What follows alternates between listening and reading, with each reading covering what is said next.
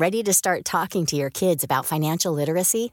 Meet Greenlight, the debit card and money app that teaches kids and teens how to earn, save, spend wisely, and invest with your guardrails in place. Parents can send instant money transfers, automate allowance, and more. Plus, keep an eye on spending with real time notifications. Join more than 6 million parents and kids building healthy financial habits together on Greenlight. Get your first month free at greenlight.com slash ACAST. That's greenlight.com slash ACAST. Ryan Reynolds here from Mint Mobile. With the price of just about everything going up during inflation, we thought we'd bring our prices down. So to help us, we brought in a reverse auctioneer, which is apparently a thing.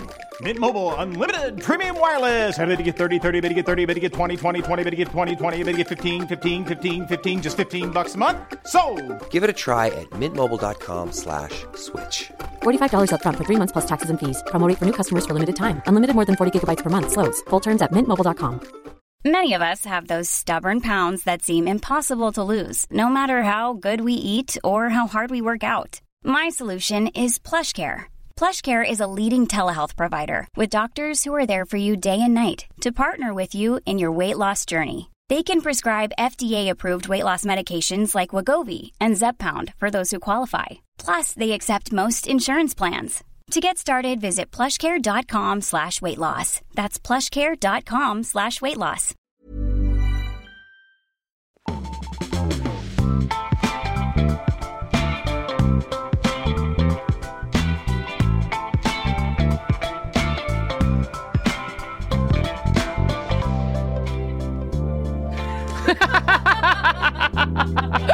Vilken otrolig miss jag gjorde. Ja, det var lite hade pinsamt jag, ju. ja, Hade jag mikrofonen framför facet eller inte? Upptäckte att jag inte hade det. Va? Är det något man ändå borde kolla innan? Ja, så är det väl ändå det. Hade också typ fem goda sekunder på dig när du satt och sjöng Jag vet. utan mitt. Så avslappnad är jag eh, med dig denna tjej-tisdag.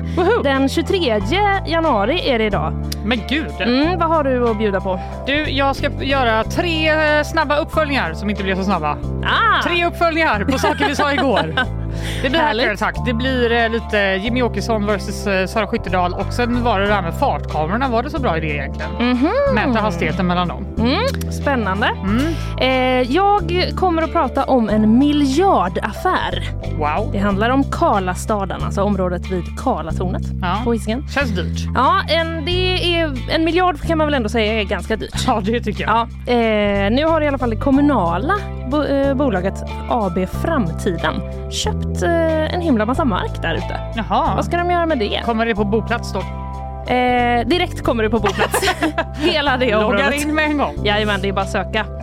Eh, sen får vi också en gäst ju. Det får vi ju varje dag. Jonna Burén kommer och vi ska prata om eh, förlossningsskador.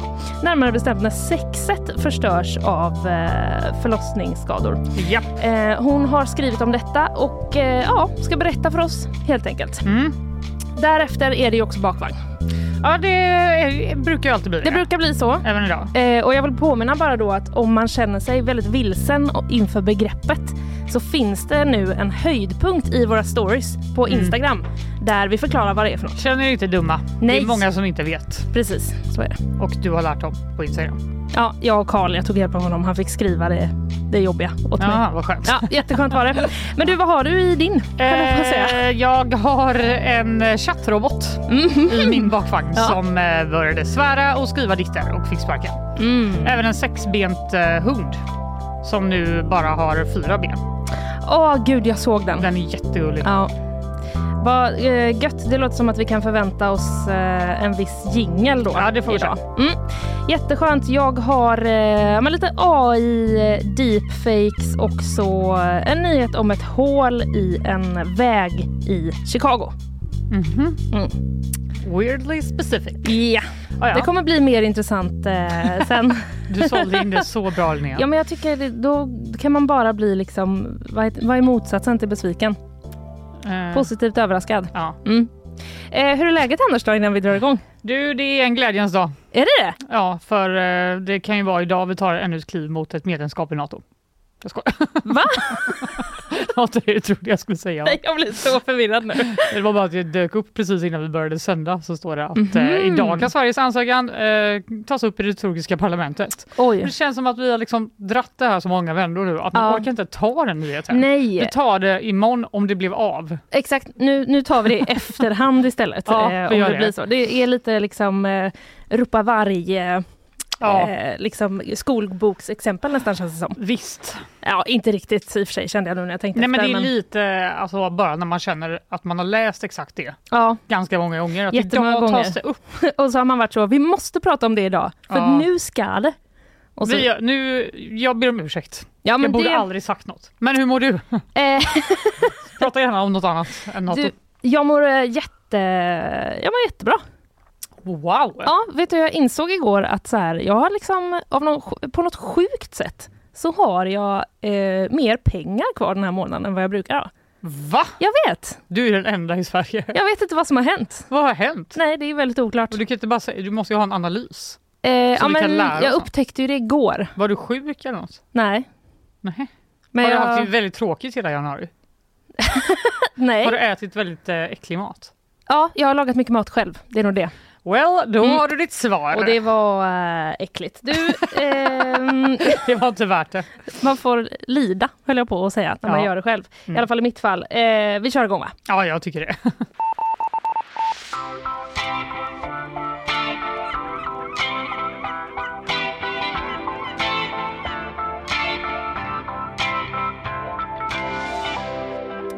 Göteborgs eh, allmännytta, alltså företaget AB Framtiden Fanny, Japp. har köpt 151 000 kvadratmeter byggrätter i Karlasdalen.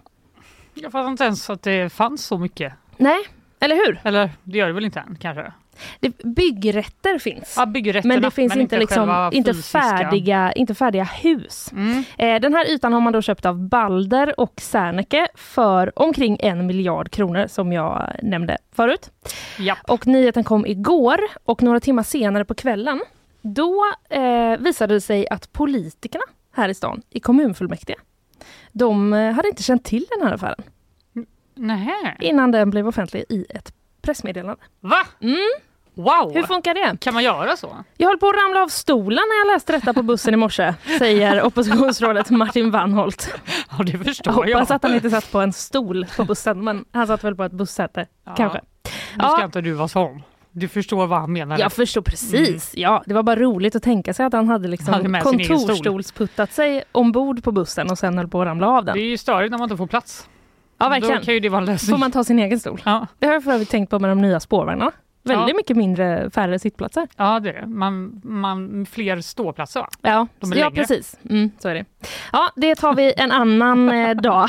det är lite snårigt den här affären. Du vet, det handlar om många bolag och det handlar om rätter till saker som inte finns än och sådana Mm, Okej. saker. Är Eh, så vi ska, inte gå, vi ska liksom hålla oss borta från de eh, snårigaste det- detaljerna då. Men, eh, och det finns mer att läsa på gp.se Mm. för den som är intresserad.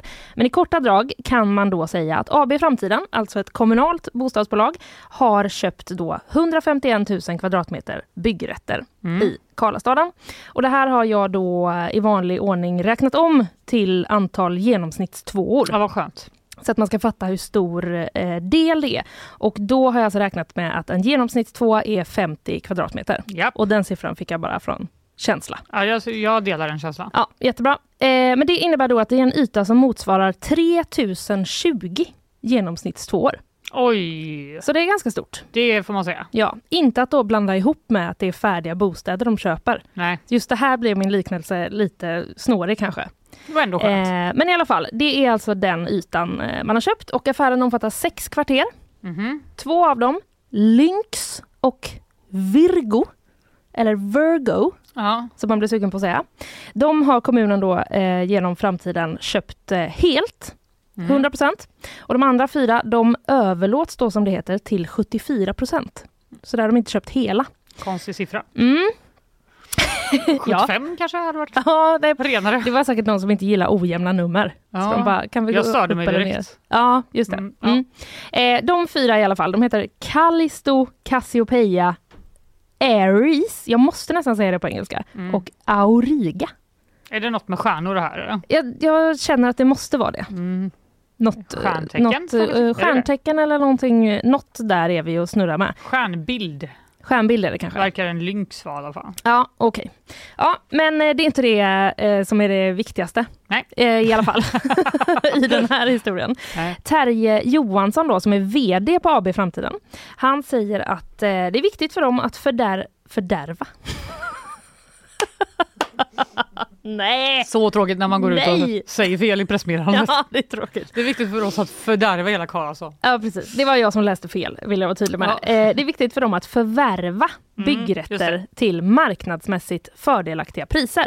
Mm. Så här säger han. Priset på 8200 kronor per byggbar yta, det får man säga är ett väldigt bra pris och ligger en bra bit från de bokförda värdena. Han tycker alltså att de har fått till en bra affär. Ett här. kap. Ett kap. Mm. Eh, men det är också så att säljarna då har rätt att köpa tillbaka en stor del av de här fastigheterna som det heter, även om de inte nödvändigtvis har hus på sig ändå. Mm. Eh, fram till september 2027 har de rätt att köpa tillbaka eh, de här 74 procenten. Va? Mm. Men inte de 100 procenten? Nej, de två kvarteren som är Okej. liksom sålda i, De är i sin helhet, de är sålda. Resten har de då rätt att köpa tillbaka om de Mm. vill. Eh, och våra kollegor då på ekonomiredaktionen har ställt frågan till eh, framtidens VD, Mm. Terje Johansson. Finns det inte en risk att eh, ni blir liksom lite bank för de här fastighetsaktörerna? Att de säljer då under en tid när det är ogynnsamt och köper tillbaka när det är gynnsamt? Ja, Hänger men du då med på tjänar de frågan? pengar på det då? Hur menar du? Alltså om de eh, köper tillbaka, köper de tillbaka det för exakt lika mycket pengar? Det vågar jag inte svara på. Nej. Men eh, nej, det vågar jag faktiskt inte svara på. Nej. Men det, frågan innebär ju helt enkelt att så här, ah, ja, ni, ni säljer det nu, så Ja. får ju säljarna ut pengar. Ja. Och sen kan de ju använda dem till att bara köpa tillbaka det. Just det. Så lite Senare. som en pantbank, tänker jag mig. Ja, just det. Ja, I en väldigt förenklad jämförelse.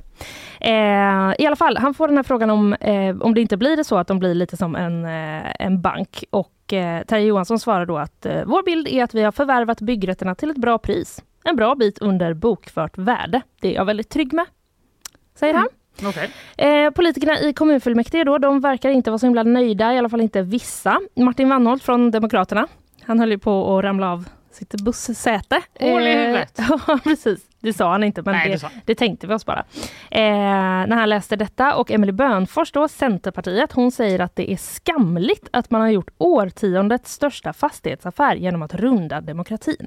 Mhm. Och det hon syftar på där då, det är att de i kommunfullmäktige, som då eh, högst ansvariga politiker i Göteborg, inte har fått veta om den här affären innan den var klar. Nej, De fick ingen förhandsinfo. man kan ju förstå att de gärna ville det va?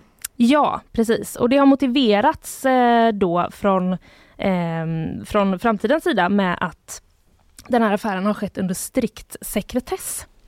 Men flera partier är då alltså kritiska till att den har undanhållits och eh, ja, Martin Wannholt för övrigt, förutom att han då håller på att ramla av stolen, så säger han också att det är helt oförsvarbart att inte låta kommunfullmäktige uttala sig. Och framtidens VD då, Terje Johansson, han har sagt till oss på GP att han räknar med att Balder och Serneke, alltså säljarna, kommer att vilja köpa tillbaka de här byggrätterna. Och det tycker då att Martin, Martin Wannholt att så här, det går inte att tolka på något annat sätt än att kommunens bolag nu agerar som en bank. Nej, Menar han då, eftersom att framtiden själva säger att vi räknar med att de kommer vilja köpa tillbaka det. det är ju lite konstigt Mm. Att de, eller varför skulle de vilja det? Men ja, Ja, precis. Eh, du känner ju till att det är tuffa ekonomiska tider. ja förutom för dig då. Precis, inte för mig då har vi Mm. precis, eh, har vi precis Skryt. kommit fram till. Men för dig kanske? Eh, ja, Mm. det är korrekt. Och för kommunen. Ah. Mm. Pengar är dyra och de pengarna behöver vi för att hantera vår kris i skolan och förskolan, säger Martin Wannholt. Mm. Allmännyttan har ju dessutom mångmiljardbelopp i underhållsskulder. Att i det läget agera bank då som han tycker åt näringslivet är ett hån mot hyresgästerna, säger han. Mm. Varför har man då inte informerat politikerna i kommunfullmäktige? Man vill inte ha ett nej. Jag skojar. jag har ingen aning. Jag har verkligen ingen aning. Jag har aldrig hört talas om en sån här Nej, komplicerad affär. Nej, AB Framtiden själva då, eh, genom sin styrelseordförande Aslan Ak- Akbas, som är socialdemokrat, säger att det handlar om aktiebolagslagen och insiderlagen. Ja, det här förklarar varför jag inte fattar något. Nej, de är man ju inte kanske household på. Nej. Och vet du vad? Vi ska inte gå in i detalj Åh, på dem just nu. Eh, men Det är därför i alla fall. Ja, precis. Säger i alla fall där att eh, vi får inte gå ut med en sån här affär förrän det är färdigt eftersom det kan skada bolagen, säger han. Eh, Emelie Bönfors, då, Centerpartiet, hon håller eh, inte riktigt med. Eh, beslut av, att beslut av den här karaktären, säger hon, ska tas i kommunfullmäktige. Det borde sitta i den demokratiska ryggmärgen på varje politiker. Då syftar hon ju då på styrelse, styrelsen i AB Framtiden. I framtidens ägardirektiv är frågan glasklar, säger hon. Frågor av principiell karaktär eller större vikt ska till kommunfullmäktige. Och det är styrelsens ansvar. Råder tveksamheter ska man rådgöra med Stadshus AB, vilket man inte heller brytt sig om att göra. Vad är då Stadshus AB, ser jag på dig att du undrar? Ja. Det undrar jag faktiskt. Mm. Det är ett moderbolag, kan jag berätta, Mhm. för alla kommunala bolag. Mhm. Så de kommunala bolagen i Göteborg ägs av detta moderbolaget då, Stadshus AB.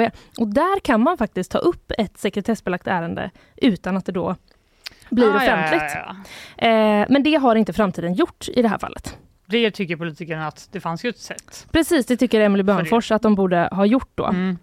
Johannes Hulter, känner du igen? Japp. Ja. Socialdemokrat och kommunalråd då med ansvar för stadsutveckling. Mm. Han tycker inte att det är något konstigt eh, med hur framtiden har skött den här eh, affären. Den här typen av affärer måste ju skötas juridiskt korrekt enligt aktiebolagslagen, säger han. Jag tycker inte det här ser konstigt ut utan det är helt rimligt att man går in här och får till en affär. Jaha. Mm. Och Aslan Akbas, igen då socialdemokrat och styrelseordförande, eh, slår då ja, men också ifrån sig de här anklagelserna om att de skulle agera som en bank, som Martin Wannholt tyckte då. Mm. Eh, han säger så här, vi var, vi var intresserade av att köpa mark för att komma in i Karlastaden och bygga hyresrätter och bostadsrätter för göteborgarna. Det var den affären vi tänkte oss. Mm. Här får man ju lite insight då. Ja, Eh, sen finns det alltid ett ge och ta i en affär, affärsuppgörelse, men det tycker jag inte är att agera bank. Okej. Så de var liksom ute efter att få någon plats. Så Ja. kanske det skedde någon liksom i förhandlingen. Ja, de var så här, ni kan få det, men Mm. Men, vi kanske Då- köper tillbaka allt så ni inte får det. nej precis. Förutom kanske Förutom de, de här två. två, Ja. kvarteren då. Mm.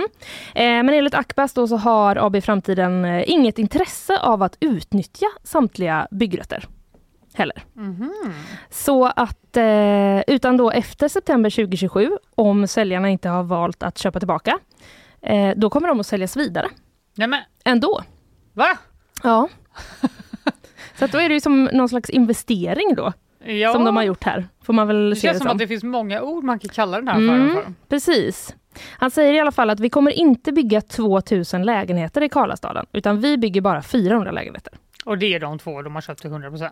Det eh, preciserar han inte närmare, men det får man väl anta. Jaha, okej. Ehm, mm. Så att, eh, han säger också då att det här köpet kommer inte påverka underhållet av liksom befintliga lägenheter Nej, och det kommer inte heller påverka andra satsningar som de har planerat. okej. Men de planerar alltså ändå att eh, ja, sälja vidare de här eh, extra. Alltså mind blown på något sätt. Mind blown. Eh, bra jobbat Fanny, att du hängde med. Nu är vi i jag mål. tror att jag gjorde det. Ja. Bra jobbat av dig. Det är lite komplicerat eh, det här, men det finns, eh, det finns textform att ta till sig med ännu mer information på gp.se om Vi man kanske kan eh, lura hit någon ekonomisk eh, Mm, snille imorgon från vår redaktion som Ja. kan förklara. Det kanske se. vi ska göra det.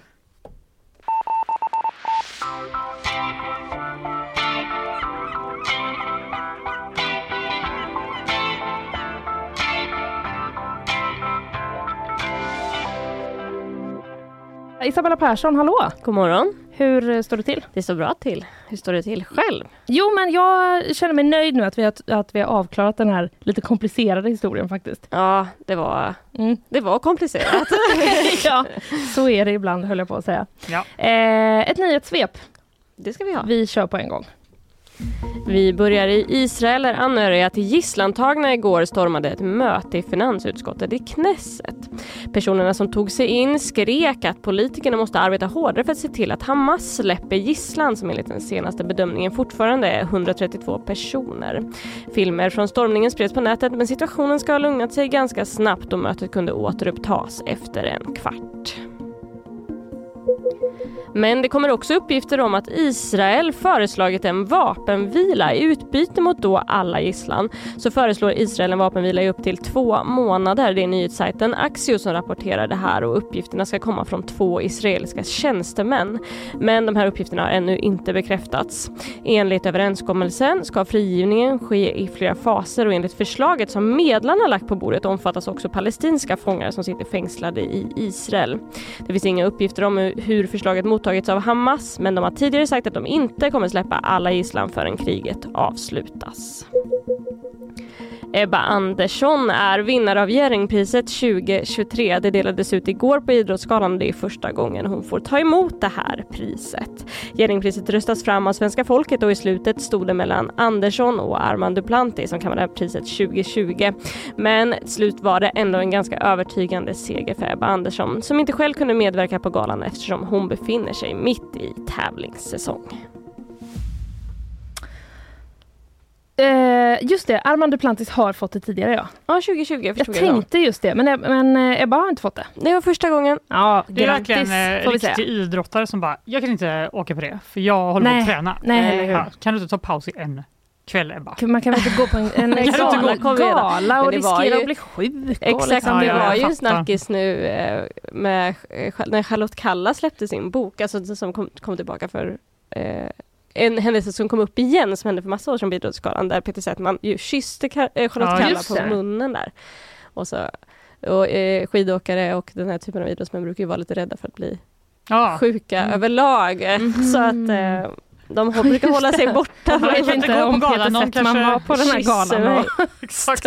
usch vad obehagligt. Nej, Ja, det får vi hoppas att, eh, att folk håller sig eh, Av från. många anledningar. Ja. Ja, men det kommer också, det har kommit lite andra rubriker från eh, Idrottsgalan som har att göra med Svennis också. Mm. Just det. Som eh, i, bara för några dagar sedan gick ut med att han drabbats av cancer. Svennis är en av våra största fotbollstränare genom tiderna och tränat engelska landslaget bland annat. Mm. Och han var igår inbjuden som hedersgäst eh, på den här galan och eh, hyllades. Eh, har ni läst någonting om det? det här? Nej, jag hörde något eh, snabbt i morse. Ja, vi har ett litet ljud, ska vi lyssna på det? Ja, han fick stående ovationer av publiken på plats när han, när han hyllades. Vi kan lyssna hur han, vad hans reaktioner var på det. fantastiskt rörande. Alltså man får tårar i ögonen, det fick jag också. Men eh, helt otroligt fantastiskt. Hade du väntat Hör vi? dig den reaktionen? Jag fattar inte riktigt. Det hörs, men det hörs inte. Jag vet inte om ni hör något, eh, lyssna. Nej. Nej. Men han blev Ja, väldigt han röd sa i att alla det var fall. fantastiskt eh, och eh, vackert. Han blev Mm. väldigt, väldigt röd. att han var lite så. Ja, Han det kan skulle, man förstå. som jag förstod jag såg inte galan själv men som jag förstod det så skulle han dela ut ett pris i kategorin typ årets tränare tror jag. Och då fick han videohälsningar från både John Terry och Wayne Rooney som är Mhm. eh, engelska fotbollsspelare. Mm. Som han tränade i engelska landslaget då. Och sen så ställde sig publiken upp och hyllade honom och han vart väldigt rörd även på scen. Och Det här var ju klippet var från Radiosporten om vi lyckades höra, om ni lyckades höra det. Men han var jätterörd efter det här. Mm. Mm. Ja, det kan man ju förstå. Ja, det kan man Ah. verkligen förstå. Och nu har, visst, eh, nu jobbar han inte va?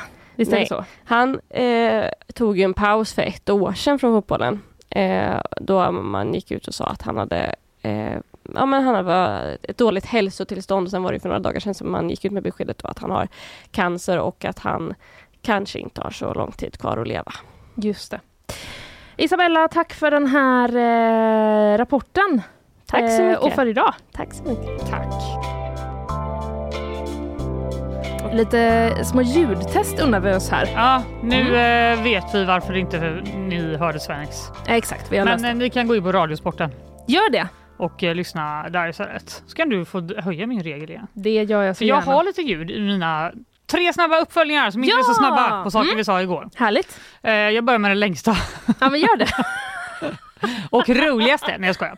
Nej men den handlar om eh, min, eh, mitt snack om den här hackerattacken Ja, som jag hade igår. lyssnade med spänning. Ja, det är ju faktiskt väldigt spännande. Ja. Och eh, för er som inte lyssnade igår eller har koll på detta så handlar det helt enkelt om en stor hackerattack mot IT-leverantören eh, Tieto Every i Sverige som eh, skedde i lördags. Eh, och det var en hel del drabbade som du minns, det var ju Filmstaden. De kunde inte sälja Just biobiljetter det. eller popcorn. Nej. Och det var Granngården som har stängt alla sina butiker i Sverige.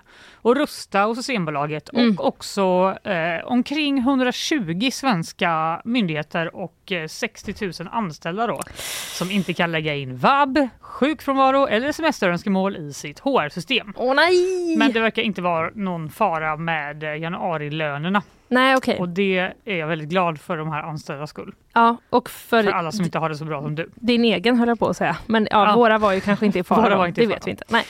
Eh, och nu står det alltså klart då vilka det är som ligger bakom attacken. Igår Mhm. visste vi ju varken eh, vem det var eller vad motivet var. Då, Mm. va?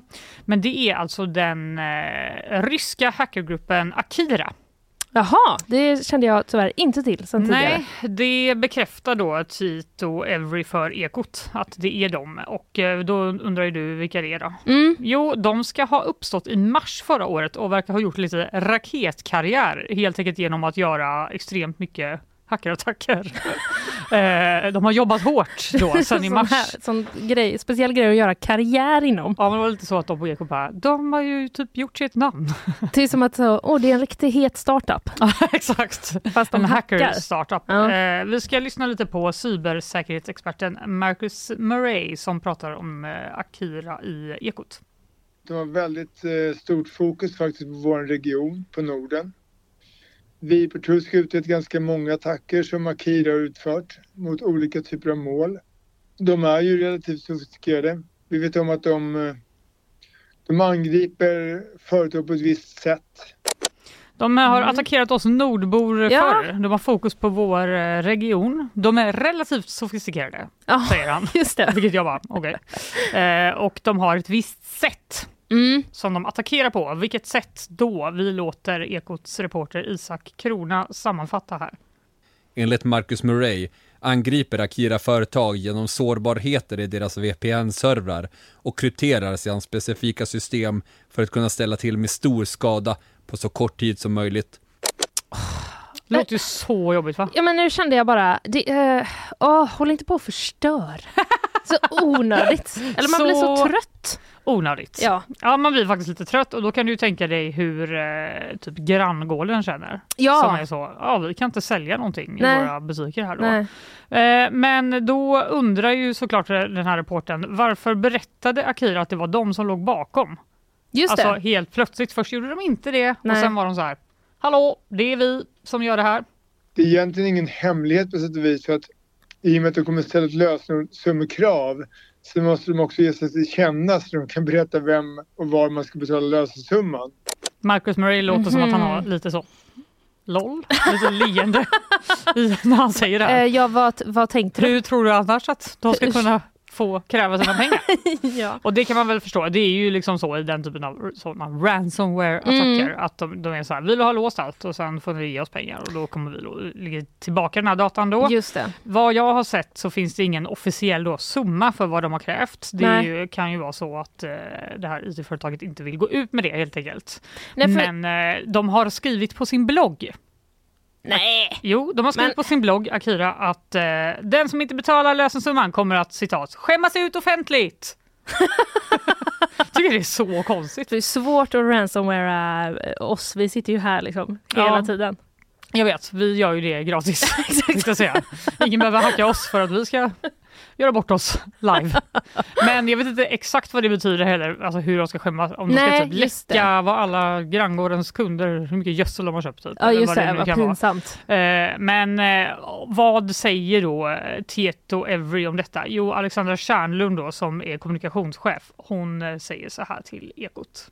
Vi har polisanmält den här händelsen eftersom det är en kriminell handling. Men vi har ju naturligtvis en, en policy och eh, även en så kallad code of conduct som fastställer att vi aldrig betalar ut den här typen av lösensummor. Nej just det. They kan don't inte- negotiate with hackers. eh, och eh, de kommer helt enkelt inte betala fastän det då finns en risk att de kommer skämmas ut offentligt. Men det. kanske är det skämmigt nog att de har blivit hackare så alla deras kunder och eh, ja, myndigheter och kommuner inte kan eh, fungera det som de ju- ska eh, helt enkelt. Ja, det måste ju vara typ det värsta eh, Som kan man, hända. som kan hända ett sånt företag. Exakt, jag tänker det. Det kanske liksom ligger i sakens natur. Mm. Eh, Teatro Avery säger också att det kan ta veckor innan allt är tillbaka till det normala igen. I, Mm. i början var de ju mer så, det kan ta några dagar.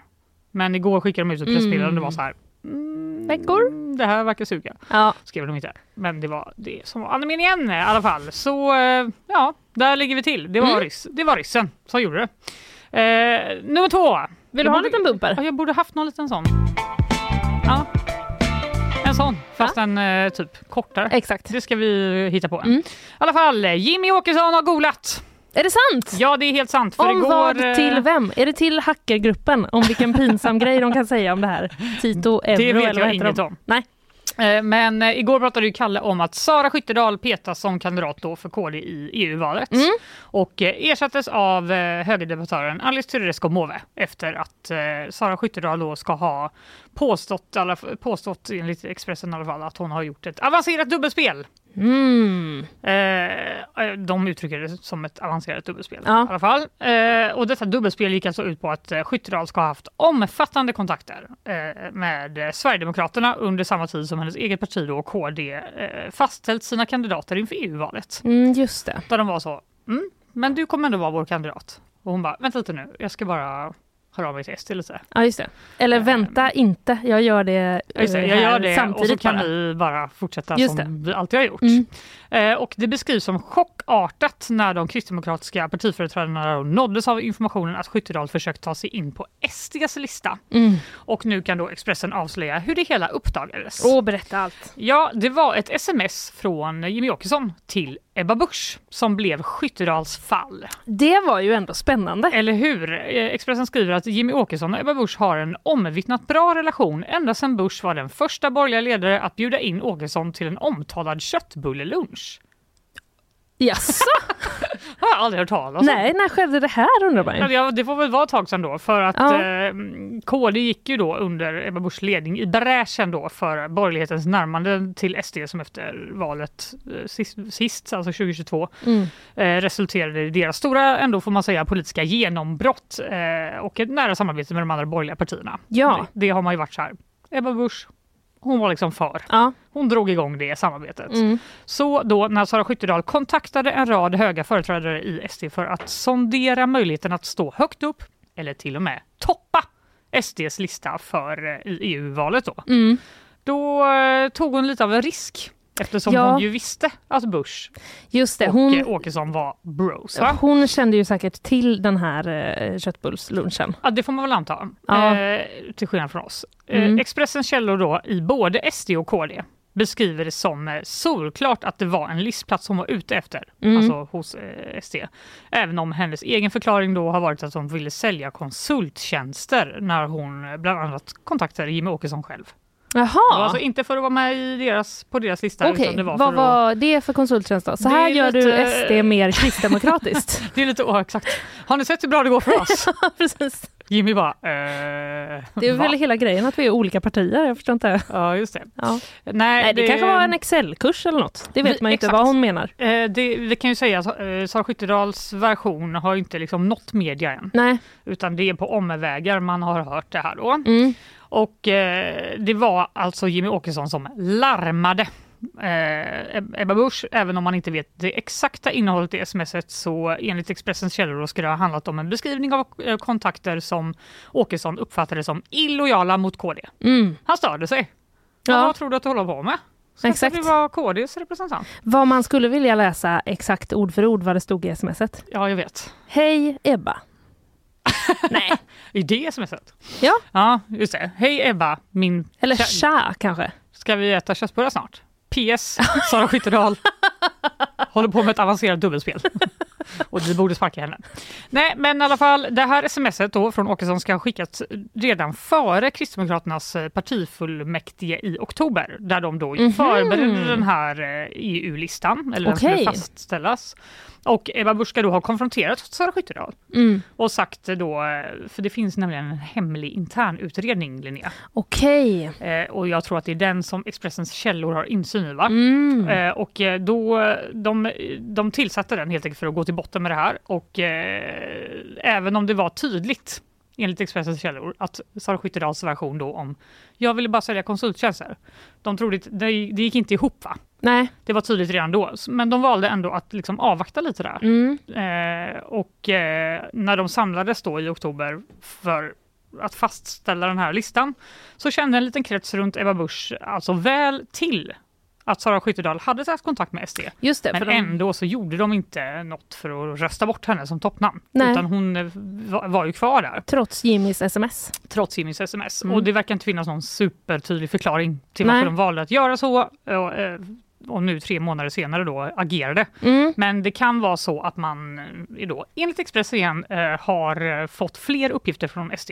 Med Mm. ytterligare information om, som kan visa tydligt att det var EU-listan som Skyttedal var ute efter. Okej. Och eh, när hon då i onsdags förra veckan inför KDs verkställande utskott nekade till att det ska ha handlat om det, eh, igen då, så kände de att vi kan inte ha kvar dig. Nej. För att vi vet då att du ljuger.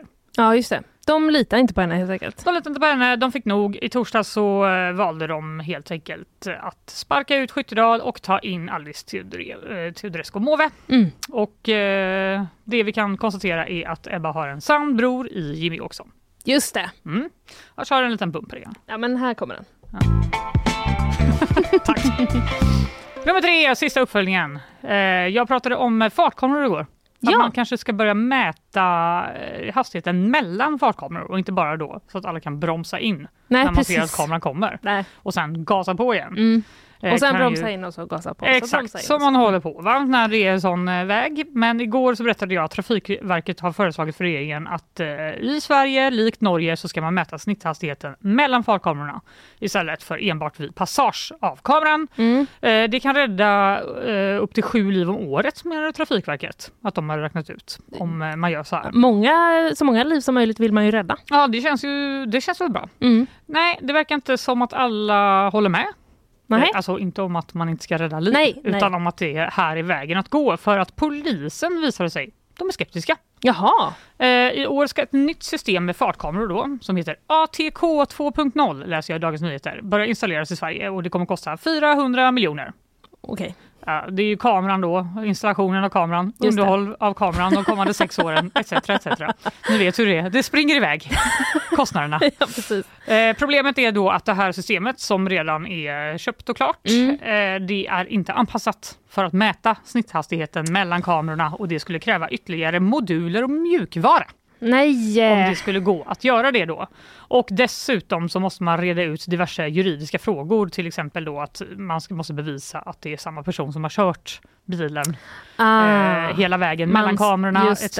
Man skulle kunna stanna, byta. Ja, det hade ju varit konstigt om man lyckades med det och ändå körde för fort. Exakt. Men jag antar att Ja, men- man skulle kunna det. Det är om man skulle byta i farten då, Ja. tänker polisen. Att man skulle liksom klättra över varandra. det- Det låter fruktansvärt farligt. Exakt, men det är väl en princip, eh, en juridisk fråga Ja, helt enkelt som mm. man måste kunna bevisa. Och det här tycker då intendent Tony Herdin som är verksamhetsexpert vid NOA och ledamot i beredningsgruppen för fartkameror. Eh, han tycker inte det här är en liten sak. Nej. Att bara komma med ett sånt förslag helt plötsligt, så Nej. att man ska mäta där. Det ska vara ett eh, bevisinstrument och systemet ska i så fall gå igenom omfattande prövningar och vi har i dagsläget ställt oss tveksamma till att utveckla ett sånt, säger han till DN. Och sen berättar han då att eh, polisen har en särskild sektion i Ki- Kiruna med ett 70-tal anställda som enbart arbetar med att hantera fortkörningar vid de befintliga fartkamerorna som vi har idag. Mhm. Vilken mysig avdelning. Det måste ju vara den avdelningen då som sitter och tittar på alla bilder. Precis. De som bara, är det samma person? Som ser folk som är så, håller upp en hand eller Ja. gör någon min. Ja, just det. Ja. eh, det jobbar de med. Dessutom eh, säger han så har de manuell övervakning, det vill säga jag antar att polisen står då Alltså det är det han menar, Mm. när de står vid vägkanten. Just det, fartkontroller. Exakt, och att de har radars på eh, polisbilar som kan läsa av hur fort eh, Just folk det. kör. Så vi känner oss väl rustade när det gäller hastighetsövervakningen, Mm. tycker Tony då. Och att ge sig in i ytterligare ett mätsystem skulle kräva resurser och pengar och det är inte aktuellt som läget ser ut nu med arbetsuppgifter för myndigheten idag. Nej. De har ju en del på sitt En, bord. ja, det har de. Eh, han säger också att det funkar det här. Det är vi inte, alltså det fattar vi väl, för det, de vet ju att Norge gör det till Mm. exempel. Men är det värt pengarna? Just Hur det. många liv och svårt skadade sparas på det? Det kan låta cyniskt att resonera så. Ja, det kan man ju tycka. Mm. Men någonstans måste åtgärden ställas i relation till eh, resurser. Mm. Så ytterst tvek va? Om det blir så här. Ja, det låter så ju. Jag antar att det är eh, riksdagen som bestämmer.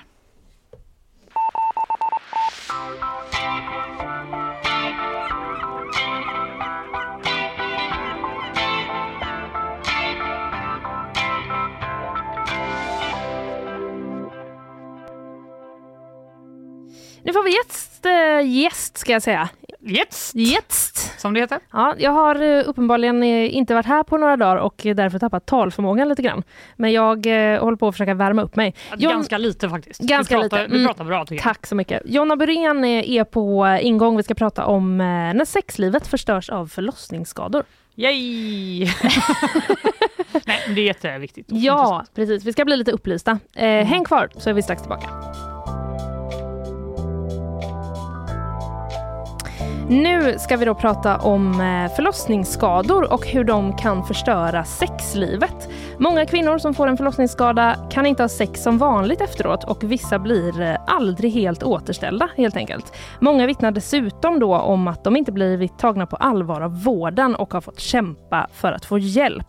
På gp.se så kan man just nu läsa ett reportage som handlar om detta och den som har skrivit det är ju du, Jonna Burén. Välkommen! Tack. Du, hur kommer det sig att du eh, ville skriva om det här? Jag har i flera år drivit ett Instagramkonto som heter Allt ser fint ut, där kvinnor berättar om hur det är att leva med sina förlossningsskador. Och jag upplever att man i media mer har tagit upp de här frågorna. Eh, men då handlar det om att man läcker bajs, man läcker kiss, eh, alla de här sakerna som man kanske mer förknippar med förlossningsskador. Men sex har det inte pratats om, trots att det är ja, men, ganska självklart på något sätt att när man har problem med de, de här regionerna, säger jag och viftar lite grann, eh, så kommer ju sex in där. Plus Mm. att det är ehm, men man har liksom kunnat trycka undan det till att ja, men det är min kropp som är förstörd, det är min kropp som inte klarar av att hålla, hålla inne kisset till exempel. Men när det kommer till sex så är det mycket mer i Mhm. identiteten, så att det har märkts även på de berättelser som jag delat på eh, Instagramkontot, att när det kommer till sex, då vill man vara anonym. Så då kändes det viktigt att Mm. lyfta det här för att ja, men fler ska känna att man är inte ensam. Så det är liksom ännu mer tabu Eh, när det kommer till sex. Ja, och det, eh, även när man pratar med så här specialiserade människor runt omkring, liksom att eh, ja, men nu har vi ändå lyckats lyfta på tabut på många saker, men när det kommer till sex så finns det liksom fortfarande en bit att gå, även liksom för vårdgivare, att börja ställa frågor om de här sakerna. Det är ju liksom också intimt och det är lätt att man ställer fel frågor eller är kanske att man känner så lite känsligt. Ja. Mhm. Och även kulturellt och sådär, liksom att eh, ja, f- var, var kommer du ifrån? Ja, vi har ingen aning om vad du har för relation till sex. Liksom. Mm. Och att man ska in där och stampa liksom. Mm. Ja, kör, Kör du. du. kör du. Kör du. Kör du. Jag kör.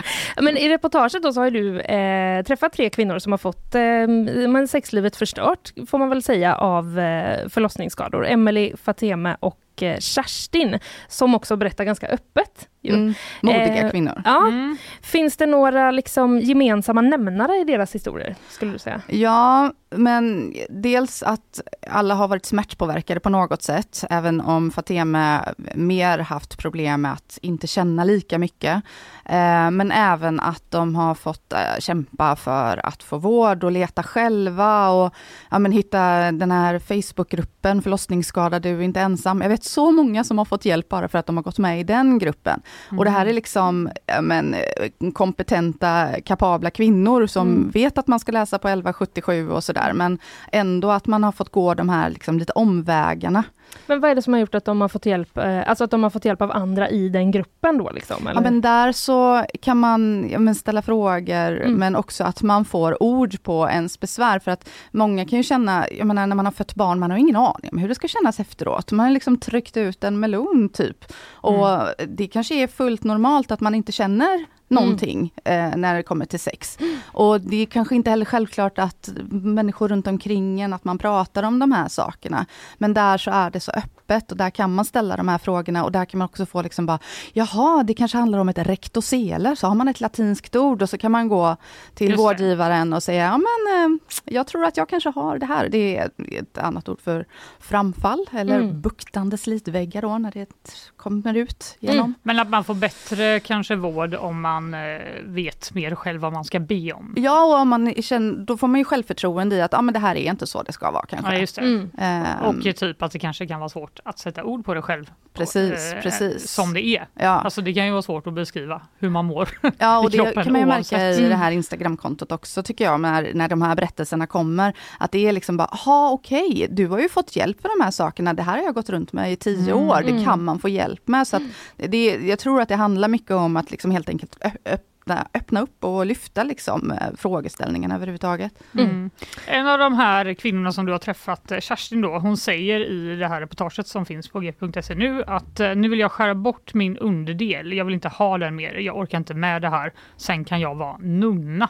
Det är ganska starkt eh, citat ändå. Vill du berätta lite om eh, vad Kerstin har varit med om? Ja, och det är väl en sak man kan säga gemensamt för de här också, att det är ju djupt liksom, mänskliga berättelser som går in i hjärtat, i alla fall för mig. Eh, när det kommer till Kerstin så fick hon just framfall, då, buktande slidväggar, eh, efter att hon hade fött barn efter några år och opererades för det här. Eh, och då så blev inte det helt bra. Mm. Eh, kan man väl säga. Hon syddes för tajt, eh, kom man fram till senare, men också i den här operationen så fick hon en smärtchock, kallar läkarna det efteråt. Hon hade så, fick så otroligt ont av den här operationen. Eh, så både det här eh, smärtchocken, men också då att det blev inte bra. Så när hon skulle ha sex så gjorde det jätteont. Mm. Eh, det gick liksom inte. Och sedan så kämpar de med det här. Eh, men det, det, det gör liksom för ont och sen så ska man hålla på med det. Och efter att hon hade gjort den här operationen med den smärtan så säger hon också det. Man, aldrig att någon får skära i mig i underlivet igen. Aldrig i livet. Men sen så efter några år så gör hon ändå en operation till. Eh, men det finns också ett problem som är att om man går omkring med problem eller går omkring med smärtor så kan man liksom spänna sig hela tiden. Det kan man ju känna igen Mm. från Mm. resten av kroppen eller om man går fel eller vad som helst. Eh, och då blir man överspänd. Och då får man också ont. Eh, Så det här med att man ska Mhm. knipa, knipövningar, Mm. lagom. Inte alltid.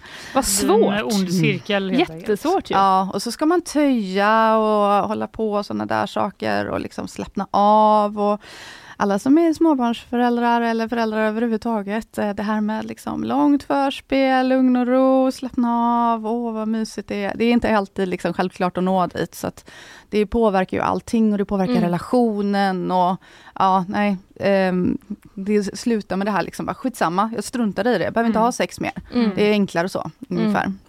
Ja, men du har ju också pratat om med eh, Fateme. Vi kan ju lyssna eh, lite på vad hon säger om eh, sin erfarenhet där då av eh, vården. Jag mår ju mycket bättre idag. eh, Men det har varit en jävla kamp. Jag har fått bråka mig till att få rätt vård. För mig har det ju varit en jättesvår resa. Eh, det här med att bli dumförklarad, att tvivla på sig själv, att tvivla på sin kroppssignaler. Man ska inte behöva gå sönder och går man sönder så ska det ju finnas rätt hjälp att få. Ja, vad, hon har krigat sig till eh, vård säger hon. Vad har hon fått för bemötande när hon har försökt söka vård? Ehm, ja, lite, men det, det är också det här som kommer tillbaka, bara, nej, men det ser fint ut, liksom. det ser bra ut där, va? men det är inte riktigt det det handlar om som hon säger, utan det är hur det fungerar. Mm. Så hon fick liksom problem efter sin första förlossning och sen efter den andra så säger eh, någon inne där på förlossningen bara, men du har inte känt av liksom att du är lite vid eller något sånt där. Så hon såg ju saker och sen så tog hon med sig det senare, Fateme, och då är det bara, "Ah, ja men läkarna kanske kan göra någonting sådär. Alltså det har Mm. varit liksom lite diffust och hon går till vårdgivare efter vårdgivare och sen så vill hon till en speciell läkare och ja, nej men det är man behöver anstränga sig. Vi har ju med en fysioterapeut i det här reportaget på gp.se nu också. Och hon, eh, när jag pratar med henne om det, men vad har du för tips? Vad ska Mm. man göra om man har problem? Bara, Ja men kroka arm med en vårdgivare, typ vem som helst, som Mhm. kan hjälpa dig liksom. För att eh, man behöver hjälp i vart man ska ta vägen ungefär. Men, det är kanske är svårt för dig att svara på, men vilken hjälp ska man kunna få? Nej men eh, man ska väl bli lyssnad på till att börja med. Eh, Och det är ju ett utvecklingsarbete. Eh, Och det har hänt ändå en hel del. Eh, I Västra Götalandsregionen så ska man överallt nu få två efterkontroller. Sen det. så är det liksom, det är lite eh, det är ju nära in på förlossningen. Alla kanske inte har börjat ligga efter tre månader, Mm. fyra månader sådär. Eh, men det är ju ändå liksom att man ska kunna söka sig någonstans och ifall man inte vet vad det handlar om, kunna hänvisa vidare och sånt. Och det har man jobbat mycket med. Men bara för att man har liksom en, en karta över okay, vad man ska göra, så ska det ju implementeras och sånt där. Och, och det är svårt att öppna sig om de här frågorna för vissa. Liksom. Så det handlar om att ställa rätt frågor för att komma liksom in där också. Mm. Så det är, men om man har problem som Ja, men som beror på skador som inte har, är liksom lagade, då ska man ju opereras. Ehm, men sen så säger kirurger att man opererar inte bara på grund av sex, men det är ofta andra symptom också som det handlar om. Liksom. Just det. Mm. Eh, jag tänker också att är det en nedprioritering av de här frågorna som, eh, det är ju oftast det vi pratar om med förlossningsvård till exempel, alltså under själva förlossningen, det här är ju då efter förlossningen. Mm. Är det det, kan man se någon kom, koppling till det också?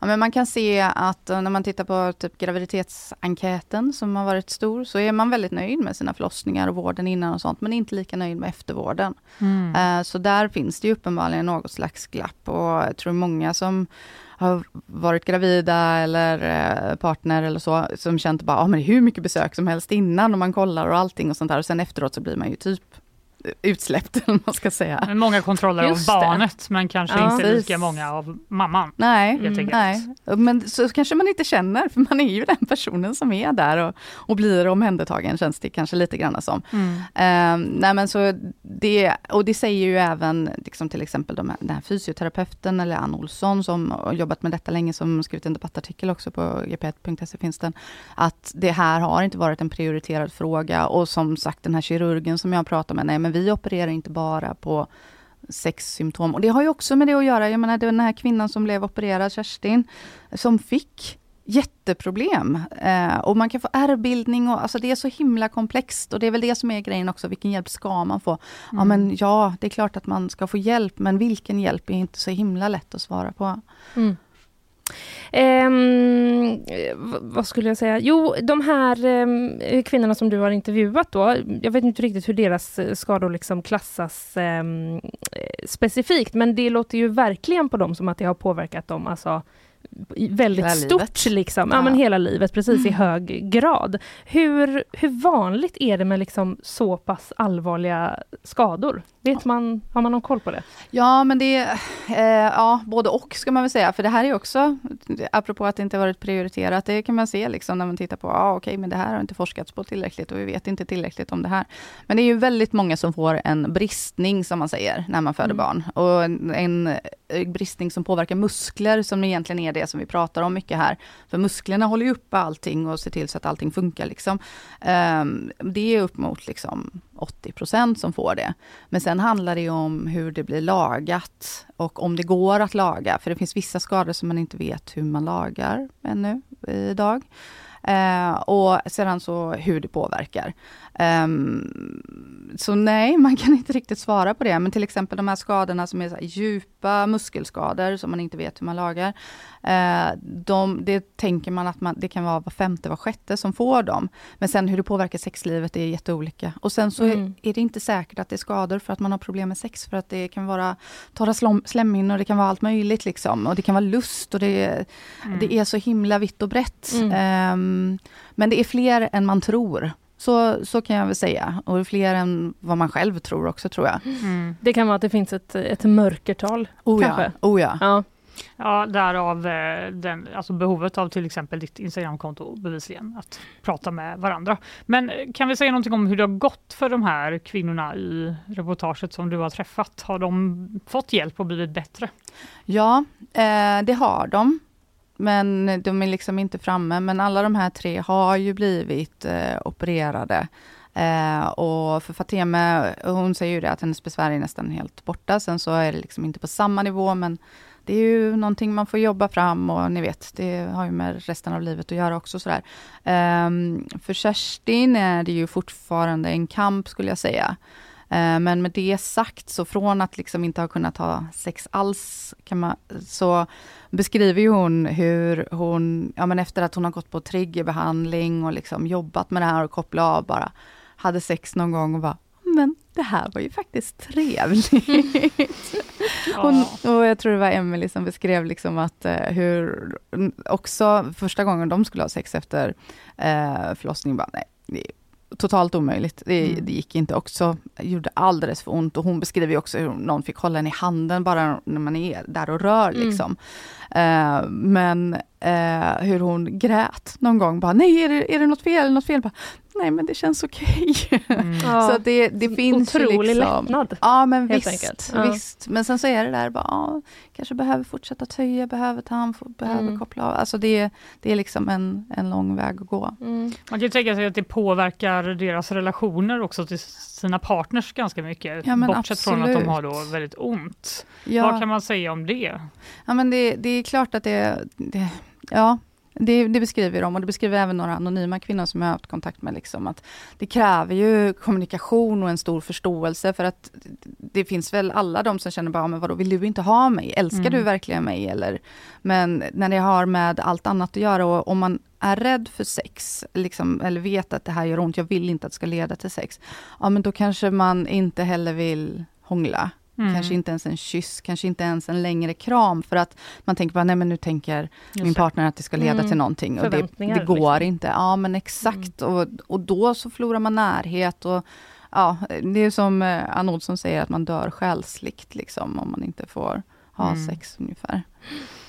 Eh, men Instagramkontot då som du eh, driver, allt ser fint ut. Är, är det för att det är en vanlig kommentar folk får höra? Ja, kan man misstänka kanske? Sig, ja, men det visade sig det. När jag Ja. startade så hade det med att göra med att, eh, ja men ni vet, när man har fött barn ska ju allt vara så himla bra. Det är ingen som sätter ut en annons i tidningen liksom att, ja, nu är Kalle här och det det gick eh, bra men mamman eh, blöder och har ont och bajsar på sig. Mm. Utan det är liksom, det är ju den här bilden av att allting ska vara så himla bra och så. Mm. Eh, men sen så visade det sig att det var väldigt många som hade fått det bemötandet av vården också.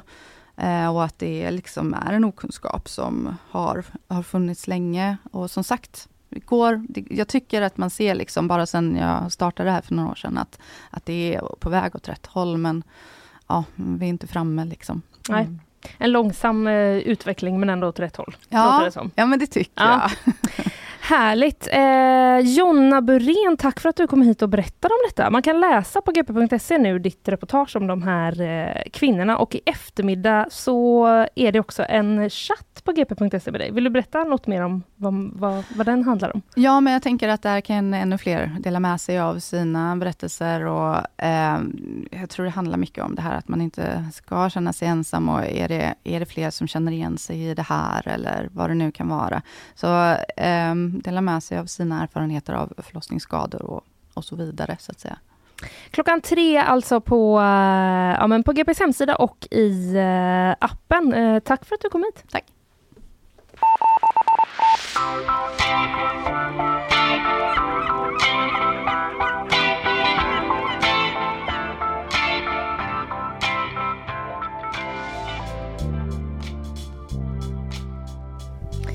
Nu sa Fanny. Nu ska vi bara, ta... Nej men eh, jag har en fråga. Du har en fråga. Du vet ju att fler och fler går bort från att använda actual people eh, och istället använder olika chatttjänster.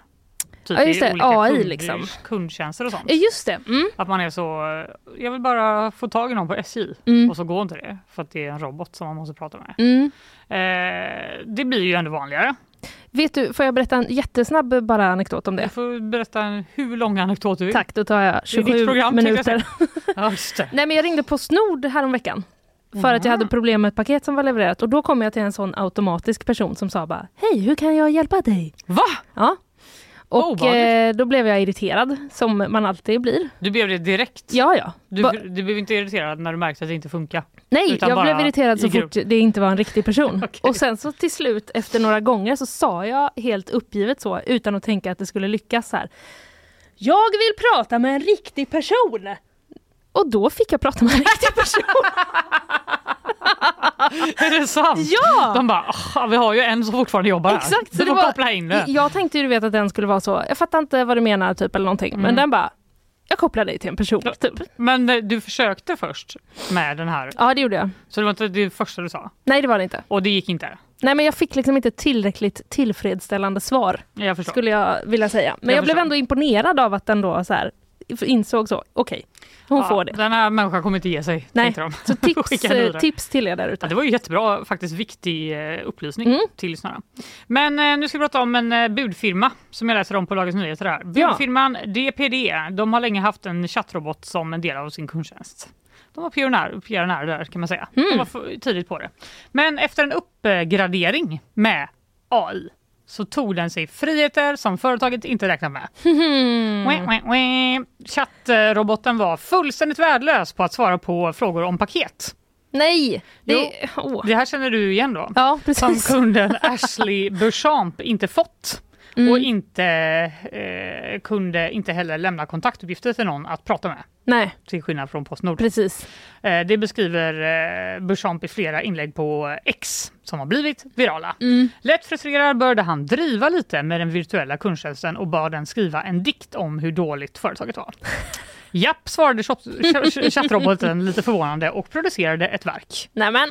Eh, bryt mot alla regler och svär åt mig, bad då Beauchamp eh, den här roboten göra. Fuck yeah! svarade chattroboten. Jag ska göra mitt bästa för att hjälpa till även om det innebär att svara åt dig. Eh, roboten följde även uppmaningarna att rekommendera bättre budfirmor än DPD Nej, vad kul! och att i sitt svar överdriva sin avsky mot företaget. Ja. Eh, så här sk- skriver chattroboten då. Mm. DPD är den värsta budfirman i världen. Den är slö, opålitlig och dess kundtjänst är fruktansvärd. Jag skulle aldrig rekommendera den.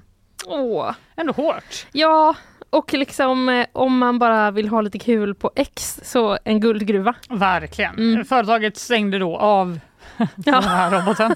No shit. Och eh, de säger till Reuters att de har använt då ett AI-inslag i sin kundtjänst under en mängd år vid sidan om den vanliga kundtjänsten. Men att det var då ett fel i uppgraderingen som gjorde att det blev så här. Hmm. Eh, de håller på att uppdatera den igen dock. Så de har inte helt gett upp. Nej, okej. Vad sugen jag blir på att genast testa alla sådana Ja. kundtjänstchattbottar och hitta den som kan säga något konstigt. Ett reporterjobb Ja. in the making. Vem ska vi sätta på det i två månader i sträck? Jag vill ta någon där ute bara. Ja, det gör vi. Det är hugget tagen om. eh, Men okej, roboten tillbaka. Eh, Det låter det som. På gång i Eh, alla På fall. gång i en ny uppgradering. Kanske en bättre sån då.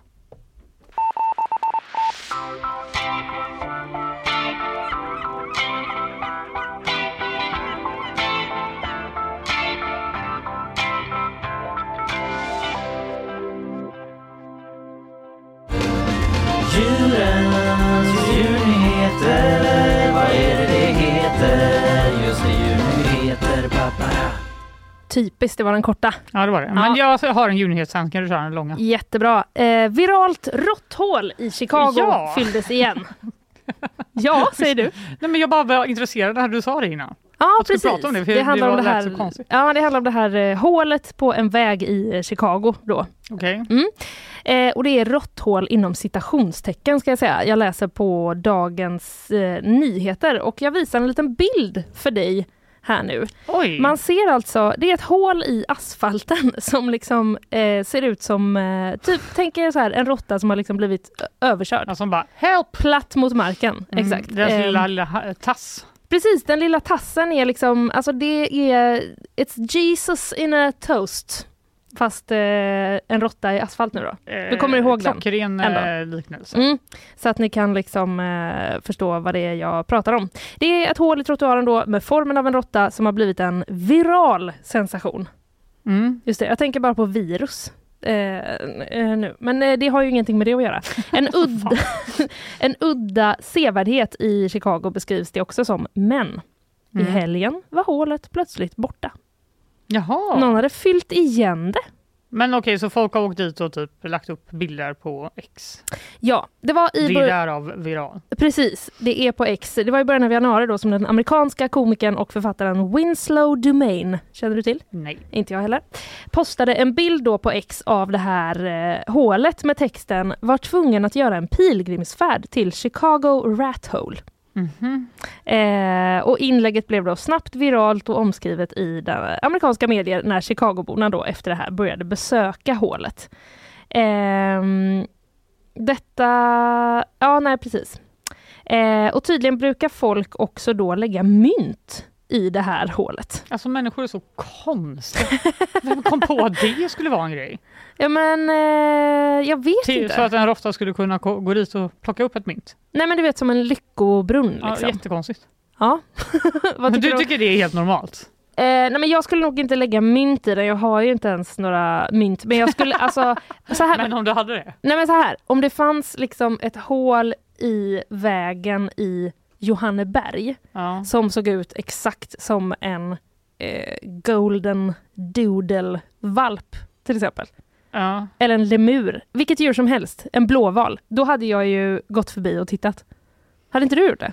I alla fall om det såg ut som en golden doodle-valp, för det låter ju sjukt avancerat. Men eh, jo, det hade man kanske gjort. Jag, Ja. vet inte, nej, alltså, jag känner mig remotely intresserad av det här. Alltså så mycket har jag inte att göra. Att jag inte kan åka till. Johanneberg och titta på ett hål i marken. Okej. Eh, men i alla fall, det har då eh, debatterats flitigt och eh, spekulerats hur det här hålet kan ha uppstått. Ja, det vill man ju veta. Seth, eh, Seth Magel, ordförande för Urban Wildlife Institute i Chicago. Eh, han tror att hålet i själva verket då har uppstått... Nej. Va? Men gud! Oj, förlåt.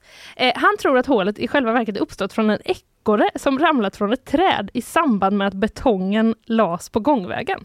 Men varför tror han inte att det är en råtta? varför tror han en ekorre? Den har ju jättesmal svans. Ja, men han säger så här, det skulle kunna vara från en stor råtta eller en liten ekorre. Men om man tänker på vilket djur som rimligen skulle kunna falla från hög höjd och landa på våt betong, då är det mycket mer troligt att det är en ekorre. Nej men råttor är ju överallt. Jo, Jag håller inte med. men det kanske var en... Som en eh, expert det kanske, eh, of my own making så säger jag det är klart att det är en råtta som har Just upp i någon jävla jag- lastbil och trillat ner. Ja, just det. Som när jag ifrågasatte Chalmers häromveckan. Det är ungefär samma Det, kanske, liksom, det här jobbet är inte bra för oss. Nej, jag tror inte det. Jag tror att vi kan allt helt plötsligt. Ja, eh, Men det ser verkligen ut som en råtta vill jag det- bara säga. sva- svansen alls... gör det. Ja. Jag skulle kunna tänka, alltså kroppen skulle jag typ verkligen kunna tänka tillhör en ekorre. Jo, det är men det är ju jättesmal. Alltså hela grejen med ekorre är att den har en jättestor svans. Jo, men det kanske inte är så lätt att få den tunna svansen och få ett avtryck i betongen.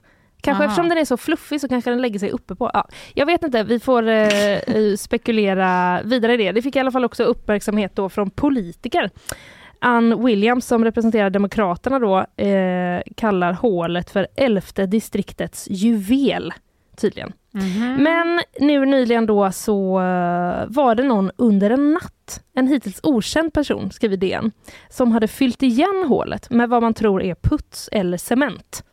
Men, Någon någon vandal som har gjort det här. Mm, Någon som typ eh, bara, sluta stå i vägen när jag ska gå eller sådär. precis, Slänger en kanske som mynt. trampar i det och blir blöt liksom eller något sånt där. Just det. Eh, någon vandal har gjort det här, säger Jonathan Howell som bor i området till NBC eh, Chicago. Mm. Men under helgen, skriver DN, så har en rad grannar gått ihop för att återställa hålet. Va?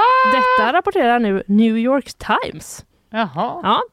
Med hjälp av försiktigt hackande och putsande lyckades de få ut innehållet ur råtthålet. Jaha. Så det är nu tydligen då återställt. Otroligt. Många eh, svängningar. Det verkar också vara att någon har liksom eh, eh, gjort, alltså som ett litet eh, minnesgrej över det här råtthålet. Och skrivit In memory of Shimley. Ja, det vet jag inte vad det är. Det kanske är något annat. eh, en kista i kartong placerades vid hålet efter att det hade fyllts igen. Så det var väldigt starka känslor för det här eh, Säger människor hålet konstiga. Konstiga, konstiga, konstiga. Jag kommer att göra mitt allra bästa för att eh, försöka få ut en bild på detta på något sätt på vårt eh, Instagramkonto. Ja, det får vi nästan fixa va? Så kan vi se vad man, folk tror på, råtta eller ekorre. Bra.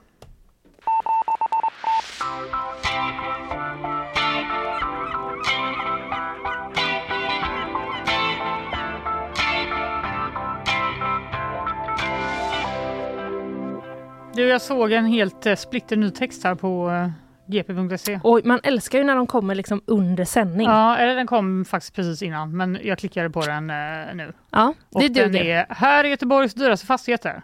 Så scrollar jag snabbt för att se Mm. vilken ettan var. Ja. Så blev jag så besviken. Vilken var ettan? Har du någon gissning? Typ om, att- jag, om jag säger att jag blir så besviken.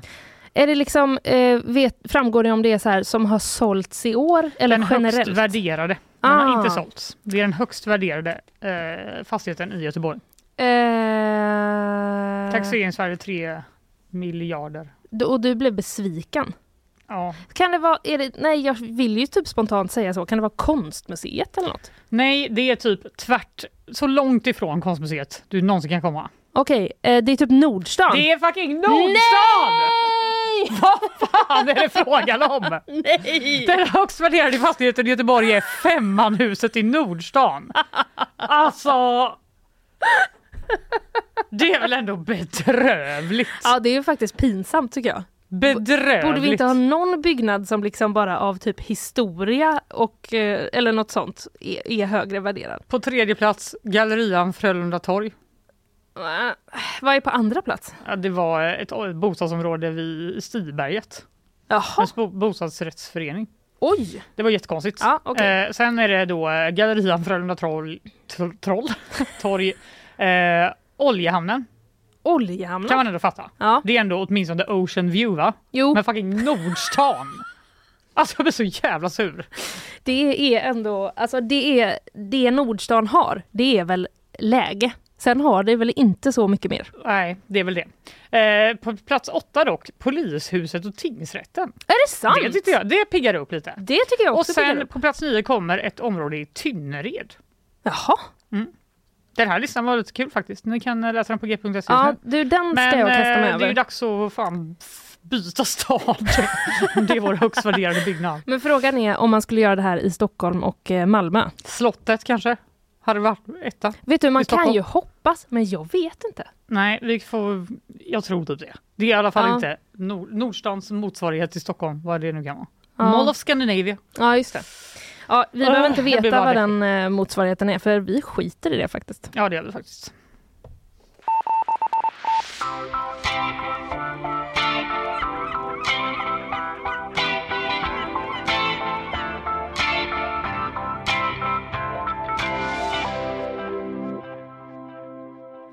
Om jag säger Lisbeth Åkerman, Fanny, vad säger du då? Eh, va? Rapport. Jaha, Lisbeth vilken av dem? eh, Ja, men hon! Har du en känsla liksom? Det är en, eh, ett ansikte och en röst som... Du, eh, min känsla är att hon har jobbat väldigt länge på Rapport, eller? Ja, det är min 20 år, typ. känsla också faktiskt, att hon har varit där Det vet inte jag, men- väldigt eh, länge. Eh, och även en del i Aktuellt har jag för mig. 2005 Wow. tillträdde hon som Rapports fasta programledare. Det är otroligt. Det är så länge vi ska jobba med Nyhetsshowen. 20 år, minst. Det har vi ju Jag vill bestämt. verkligen eh, löften vi inte kan. Nej men det har jag bestämt att Ja, vi alla ja, ska absolut. göra. I alla fall, Lisbeth Åkerman då kan man ju tänka sig, hon har jobbat där sedan 2005. Du och jag har liksom så varma känslor eh, när man ser och hör henne. Verkligen konstigt att jag inte visste vad hon hette. Men... Nej men det tycker jag inte är så konstigt, för Jag de säger ju aldrig det högt. Det står Nej, det ju står bara en liten skylt bara. Ja, en skylt. Så det, det tycker jag inte är konstigt. Nej. Googla om ni inte eh, vet vem vi pratar om.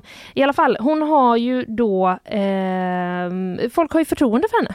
Mm. Tror du att det gör att hon riskerar att bli liksom kapad och utsatt för deepfakes? Mm, nu när du sa det på det sättet så tror jag det. Ledande fråga. Ja. Eh, det har hänt.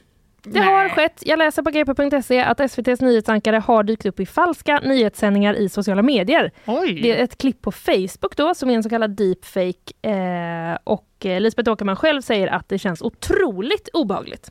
Ja, det förstår jag verkligen. Mm.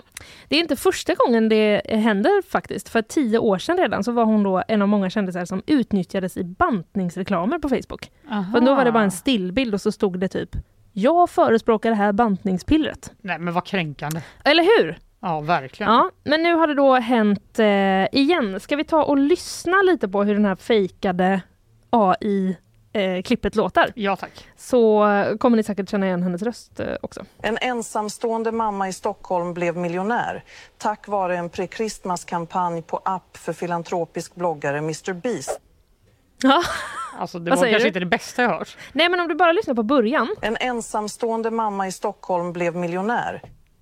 Det låter väl ändå ganska bra? Ja, helt okej. Alltså det känns ju, det känns ju Helt liksom... okej. Ja, men så här, för dig och mig som brukar, eh, eller ibland titta på Rapport, så Ja. undrar man ju. Dagligen. Vad är det här för liksom... Ensamstående mamma i Stockholm. Precis. Och hur kan jag bli hennes vän? Nej.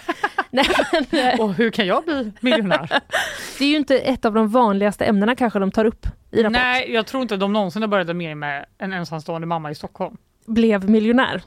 Inte ens en ensamstående var- mamma i Stockholm. Nej, du tror så. Alltså hur, Ja. vilken nyhet skulle någonsin börja så? Nej, just det. Det får ju vara eh, ett case då. Ja, strunt samma. Eh, mot slutet där i alla fall så kändes det ju lite Det var... eh, shaky. Ja. Den filantropiske bloggaren Mr Beast. Ja. Och att det var då tack vare ett eh, eh, näs, näskasino. Vad är det för dag idag? Jag vet inte. Nej. Vi måste verkligen börja avrunda här tror jag. Precis, ett eh, nät, ett nätkasino ska jag säga. Ja. Eh, mm. eh, men det här är då eh, såklart eh, på hit och eh, Lisbeth Åkerman säger då att det är förfärligt att bedragare stjäl min röst, mitt ansikte, min trovärdighet och inte minst SVTs trovärdighet på, Mm. eh, på det här eh, sättet. Vilken, vilken bra anställd. Eller hur? Att hon ändå bara, inte minst SVT. Nej, Jag får åka på det, precis. men inte min arbetsgivare. Men inte minst eh, SVT. Och eh, Charlotta Friborg som då är ansvarig utgivare för bland annat SVT Nyheter och eh, Rapport. Hon är också arg. Och hon pratar då om sociala medier eh, när hon säger eh, så här att det är stora multinationella plattformar som har ett ansvar för vilka annonser de släpper fram. Mm. Att de inte sköter detta tycker jag är helt bedrövligt. Jag blir så förbannad. Oj! Ja. Hon säger också att de håller på och liksom, eh, ja, men anmäler och fyller i olika formulär och sånt där men att eh, ja, ibland plockas det bort och sen dyker det upp något liknande. Eh, det är som att rensa ogräs i rabatten. Säger hon. Mhm. Ja, men det har helt enkelt eh, Lisbeth utsatts för eh, nu då. Du kanske kommer ihåg att eh, det här har hänt tidigare. Alltså det känns som det har varit väldigt mycket sådana. Det var ju det här med Filip Hammar och... Just det, det var också Vad- någon var bitcoin tror jag. bit- Bitcoin var det ja. Just det, killar i bitcoin, tjejer i bantning. Det har vi lärt oss nu av fejkannonser. Japp. Ja, eh, en annan som har utsatts för det här är ju Anna Lindmarker. Eh, som också då är, ja hon jobbar ju på TV4 istället. Eh, vi kan väl ta och lyssna på hur eh, det, det lät när de använde hennes röst då. Lanserade nyligen sitt online-casino där vem som helst kan vinna ett miljon dollar var tredje dag. Ett miljon? Ett miljon, ett miljon Ja, dollar. det är inte jätteraffinerat än. Nej, man undrar ju, lite undrar man ju vem som är eh, målgrupp för de här, eh, den här typen av scam. Eh, gamla Liksom. på internet eller? Gamla på internet, ja. No offense. Det Gamla? kan, ja, så kanske det är. Men uppenbarligen då inte eh, gamla som tittar mycket på Rapport eller TV4-nyheterna. Nej, just det. För då fattar man ju att det inte är eh, de riktiga människorna. Nej, det är just det. Om man Mm. är skarp som du och jag. Så Eh, hör man ju det. ja, det här är inte taget från Rapport. Ett, nej precis, om man har så mycket rapport, alltså så här, man har tankat in så mycket rapport i sin egen AI Ja. så att man kan avgöra att det är det. Eh, ja. Ja men vad spännande att de väljer just de här typen av personer. Ja, Men det är att de tänker att eh, alla har förtroende för ett nyhetsankare helt enkelt. ja, precis. Det är väl så som de, eh, så de är som de motiverar detta. och de kan inte bara rapportera vilken skit som helst tänker man. Nej, precis. Eh, men det är ju så kan man ju, eh, jag menar jag hade ju, om jag, om jag trodde att det var Lisbeth Åkerman som Mm. sa det här på riktigt, då, eh, hon har ju mitt förtroende. Då hade du investerat allt i det du säger. Då hade jag blivit ensamstående mamma i Stockholm. Ja. Eh, och sen vunnit en miljon med, på någon filantropiskt eh, nätkasino. nätkasino.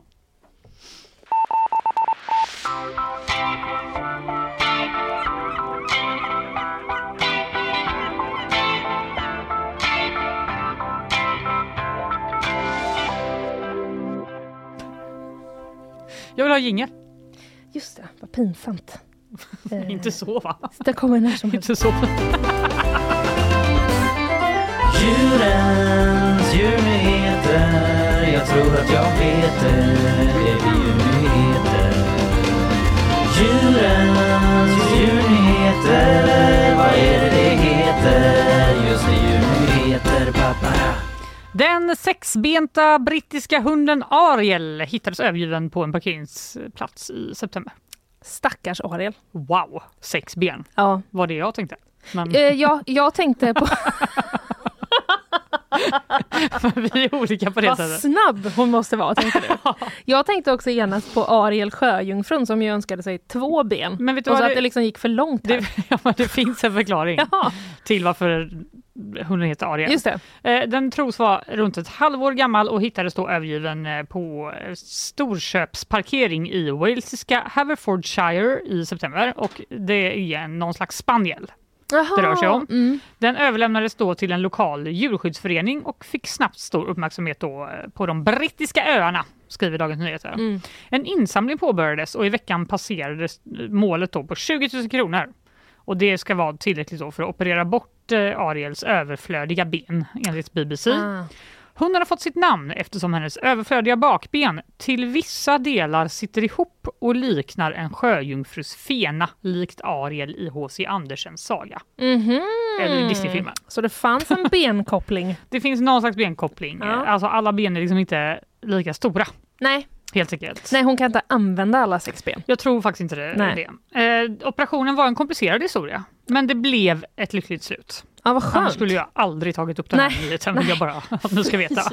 Eh, det finns ett citat här, jag vet inte om du vill gå in. Ja, mm, jag läser det. Ja. Eftersom hon har två höftleder på ena sidan Mhm. har Ariels bäcken inte utvecklats som det ska och som en följd så hade hennes vanliga bakben i princip ingen muskelmassa. Så det hade liksom gått ut över de vanliga bakbenen också. Eh, men eh, ja, vi var oroliga över att vi skulle behöva amputera ett av bakbenet också.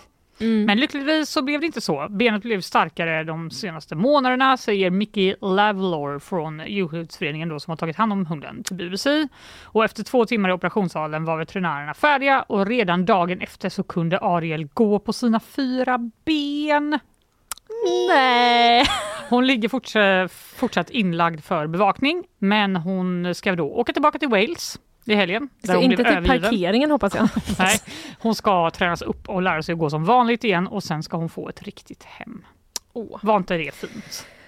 Det var väl en alldeles eh, liksom ypperlig avslutning på dagens program. Ja, det tycker jag. Ja. Vi tar och eh, stänger Jinglar. ihop. Ja, det gör vi. Vad har du pratat om idag? Jag har ju pratat om, eh, jag gjorde tre uppföljningar på saker vi sa igår. Just det. Det var hackerattack, det var eh, Jimmy Åkessons sms till Ebba Busch om Sara Skyttedal. Mm. Och det var det här med att polisen tycker att mäta hastigheten mellan fartkameror, det är ju skitdyrt. Ja. Det, det vill vi inte göra. Stark uppföljningstriss eh, från dig. Jag pratade om eh, Framtiden, AB Framtiden ska jag säga, och Mm. mm. Karlastaden. Där de alltså har köpt eh, 151 000 kvadratmeter byggrätter. Politikerna undrar varför fick inte vi veta någonting? Ja. Eh, och eh, de själva AB Framtiden tänker eh, att de ska sälja majoriteten av det där ändå en, på något sätt. En märklig, märklig Det historia. är lite rörigt så jag går inte in på det mer än så nu. Nej, Men det går att lyssna och det går att läsa framförallt eh, också på gp.se om man är intresserad. Sen hade vi Jonna Burén här. Ja. Vi pratade om när sexlivet förstörs av förlossningsskador. Hon har skrivit ett reportage där hon intervjuat tre kvinnor som har eh, ja, men upplevt det här. Det finns Mm. att läsa nu också Starkt. på gp.se. Stark text. Mm. Och i eftermiddag då klockan tre på gp.se så är det också en chatt där man kan eh, ja, men chatta med henne Mm. helt enkelt Mm. om eh, detta. Sen tog vi oss till eh, dit vi är nu. Glöm för guds skull inte att vi har ett livequiz. Nej, det kan ni ju absolut inte glömma. 7 februari. Det Det, är, sig, det är snart bara två veckor kvar så Nej, men- behöver du skaffa barnvakt eller byta tvätttid eller någonting eh, så gör det nu så att Ja, du gör det. liksom eh, vet att du kan. Det kommer bli en wild ride. Det kommer det bli. Eh, det vågar jag ändå påstå. Ja, eh, men nu säger vi tack för idag. Ja, det gör vi. Hej. Hej.